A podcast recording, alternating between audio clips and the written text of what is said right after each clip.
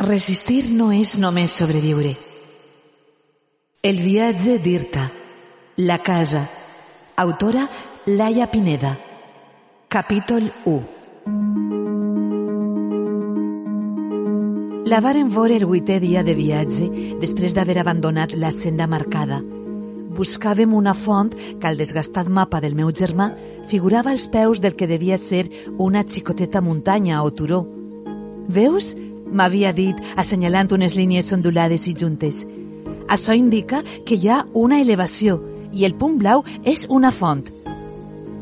Aquell mapa era el que més estimava el meu germà després de mi, més encara que la navalla plegable a què s'aferrava quan enfosquia. L'havia repassat durant hores, estudiant-ne cada línia, cada llegenda, cada possible meta, calculant el temps que ens caldria per arribar-hi i si realment valia la pena la nostra única oportunitat, en deia. I durant setmanes va planificar el trajecte que seguiríem si aconseguíem escapar del campament, com així varen fer. Va ser gràcies a aquell mapa que vàrem trobar la casa. Vàrem seguir una línia de punts que sobre el terreny devia haver sigut una senda i abandonarem la més clara i probablement transitada. En aquell moment, però, hi costava veure la continuïtat – i a cada pas creixia la sensació que ens havíem perdut o estàvem a punt de fer-ho. Havia sigut un dia calorós, però el sol ja queia i el cel havia començat a omplir-se d'unes tonalitats daurades cada vegada més intenses. Els nostres pantalons blaus de la fàbrica se'ns enganxaven a les cuixes. Aconseguir aigua s'havia convertit en la nostra prioritat, però jo només veia els barzers i les cames ja no en responien. Tenia els braços plens de raps i la boca seca, d'alguna ferida als peus, perquè les botes ja m'estaven una mica menudes i durant la marxa es convertien en un forn. Tot el que teníem ho duíem a les motxilles, però havíem tingut sort, deia el meu germà, perquè feia un parell de dies que ja no veiem rastres de cap cos lliure i confiava que no freqüentaren camins tan allunyats de la costa. Els últims els verem des d'un turó, vorejant una sèquia.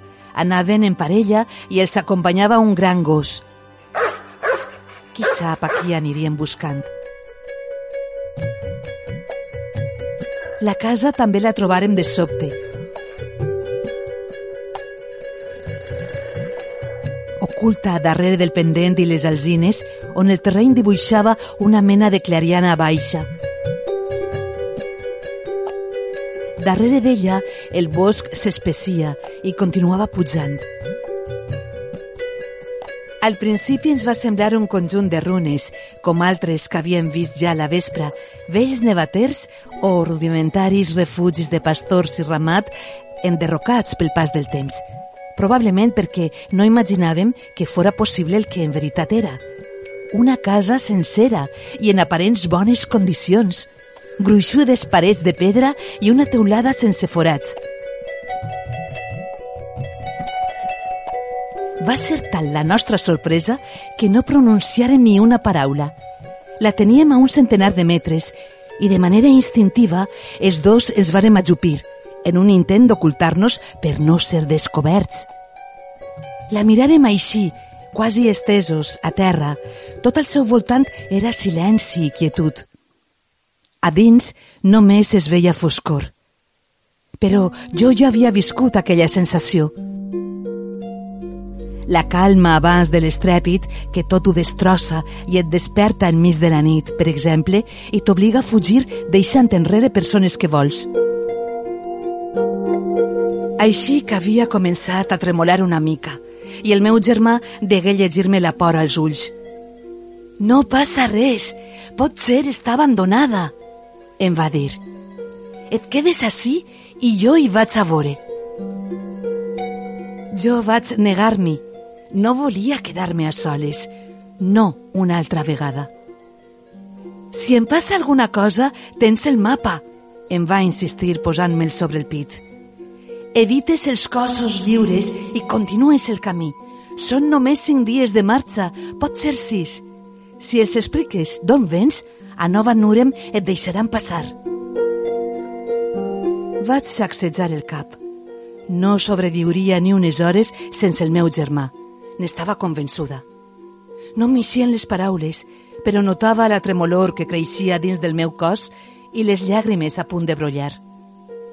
Ell va dubtar, va mirar al seu voltant i després de nou a mi. Va tensar la mandíbula. Si algú haguera vist el seu rostre desgastat, mai no hauria dit que només se'n treia cinc anys. No et separes, em va advertir. Sempre a la meua esquena.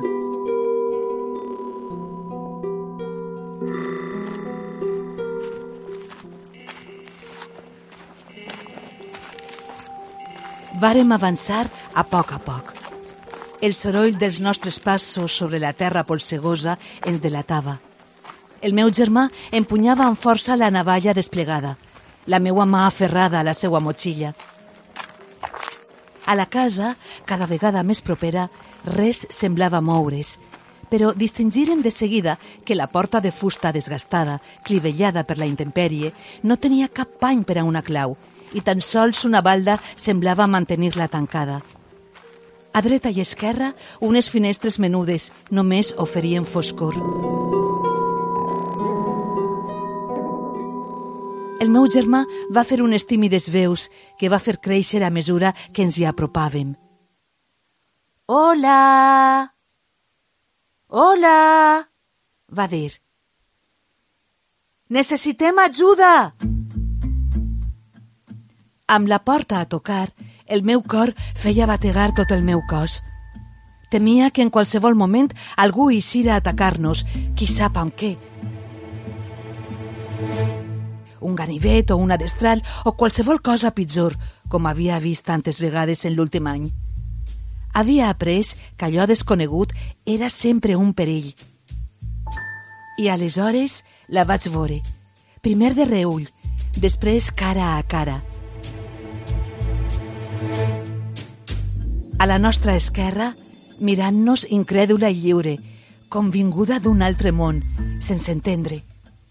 Vas tirar de la motxilla del meu germà. Una gallina! Una gallina de plomes ben marrons acabava de girar la cantonada.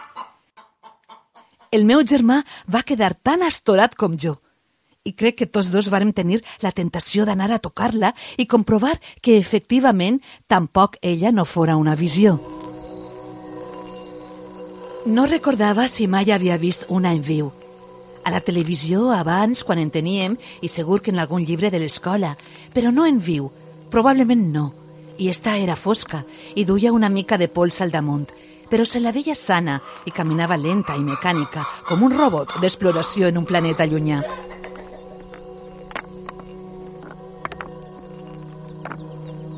Però no ens moverem.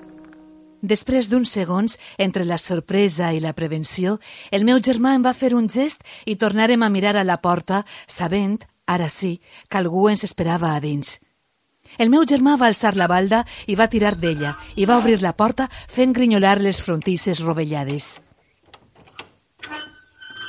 Hola! repetia aferrant-se ben fort a la navalla. Ningú no ens va respondre. Només una lleugera olor d'humit i tancat ens va eixir al pas. I quan les pupil·les es van adaptar a la llum opaca de l'interior, descobriren una casa sense excessos, però amb tot allò necessari per habitar-la. La planta baixa diàfana tenia el terra d'una fusta que cruixia sota els nostres peus. Irregular, però ferma al cap i a la fi.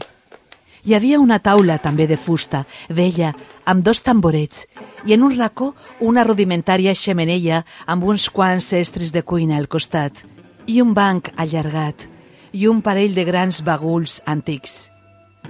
No hi havia res trencat. Cap guerra havia passat per allí. Si no estan així, estaran a punt de tornar, va dir aleshores el meu germà. Este castell ningú no l'abandonaria. A la nostra dreta, una escala de suport, vella i amb algun esglaó a punt de trencar-se, conduïa a un entresolat. El meu germà em va arrambar contra la paret, va deixar caure la seva motxilla i va fer-me un gest perquè callara. Puja dalt! va advertir en veu alta. Vas desarmat! I va indicar-me que esperara. L'escala va trontollar una mica el seu contacte. De reull vaig percebre un moviment, un soroll a la meua esquerra. Vaig estendre el braç en senyal de defensa inútilment.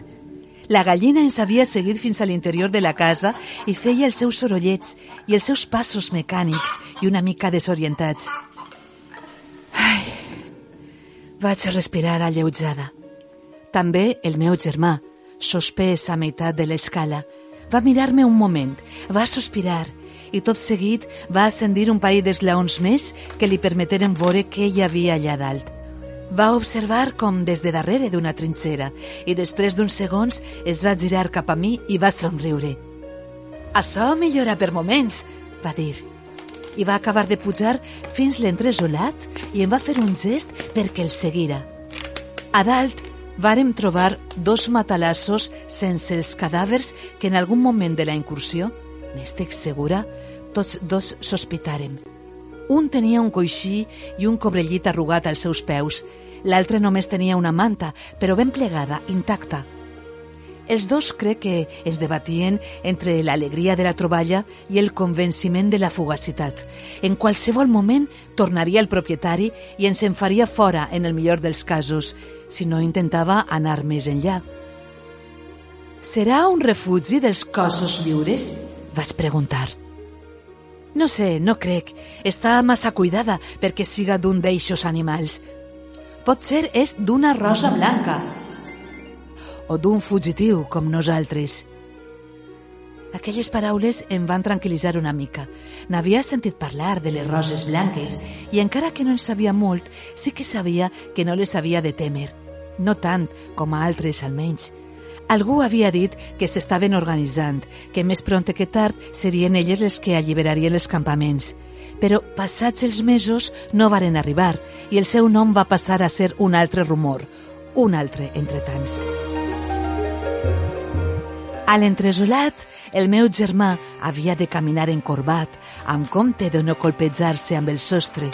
El matalàs abandonat estava al costat d'una xicoteta finestra. A fora, el cel exhibia la potent i efímera incandescència del capvespre sobre arbres, matolls i turons. Un ocell noble, potser un àguila, volava lent i lliure allà dalt. Mira això! Em va cridar el meu germà, que amb prou forces era ja més que una ombra allà dins. Em vaig apropar a ell en un racó havia obert la tapa d'un altre bagul quadrat. El rebost de conserves més gran que havíem vist mai. Patès, tonyines, tomates seques, llentilles i mitja dotzena de pots de cigrons cuits. Al costat, unes caixes de cartró contenien una mena d'estrets tubs que el meu germà va identificar com cartutxos d'escopeta, però d'escopeta no en veren cap. El meu germà es va accelerar.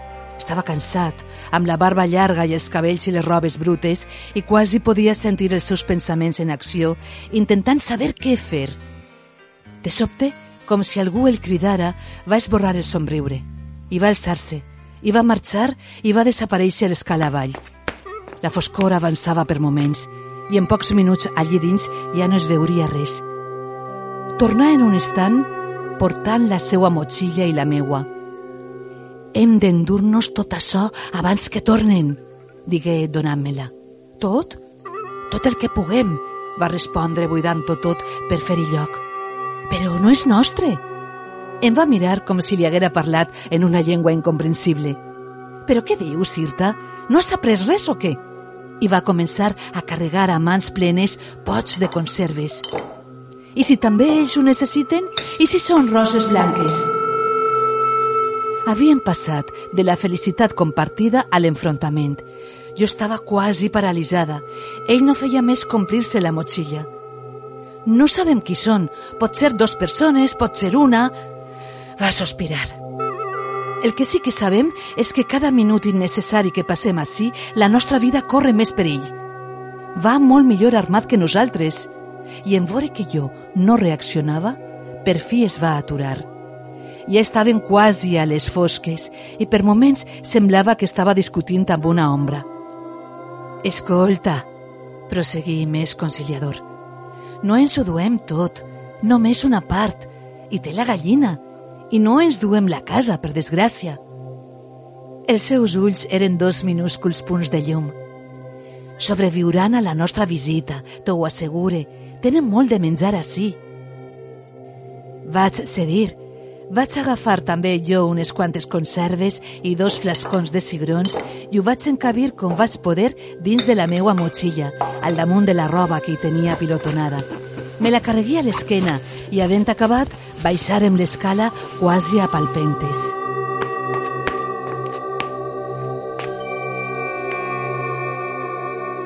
La gallina ja no hi era, ni dins ni fora de la casa, on el silenci s'havia tornat encara més amenaçant.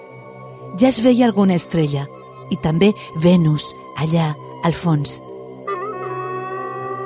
Anem! Em va guiar el meu germà.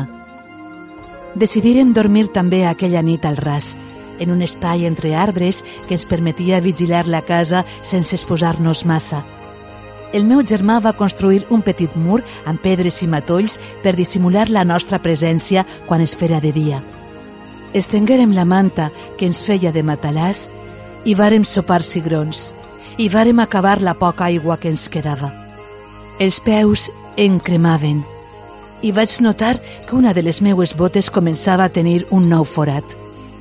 La claror de la lluna quasi plena ens permetia observar la part del davant de la casa. Encara que només hi havíem estat uns minuts, ja la mirava amb nostàlgia.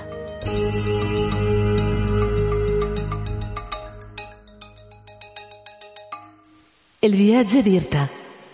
La casa. Escrit per Laia Pineda. Disponible en Amazon en laiapineda.net.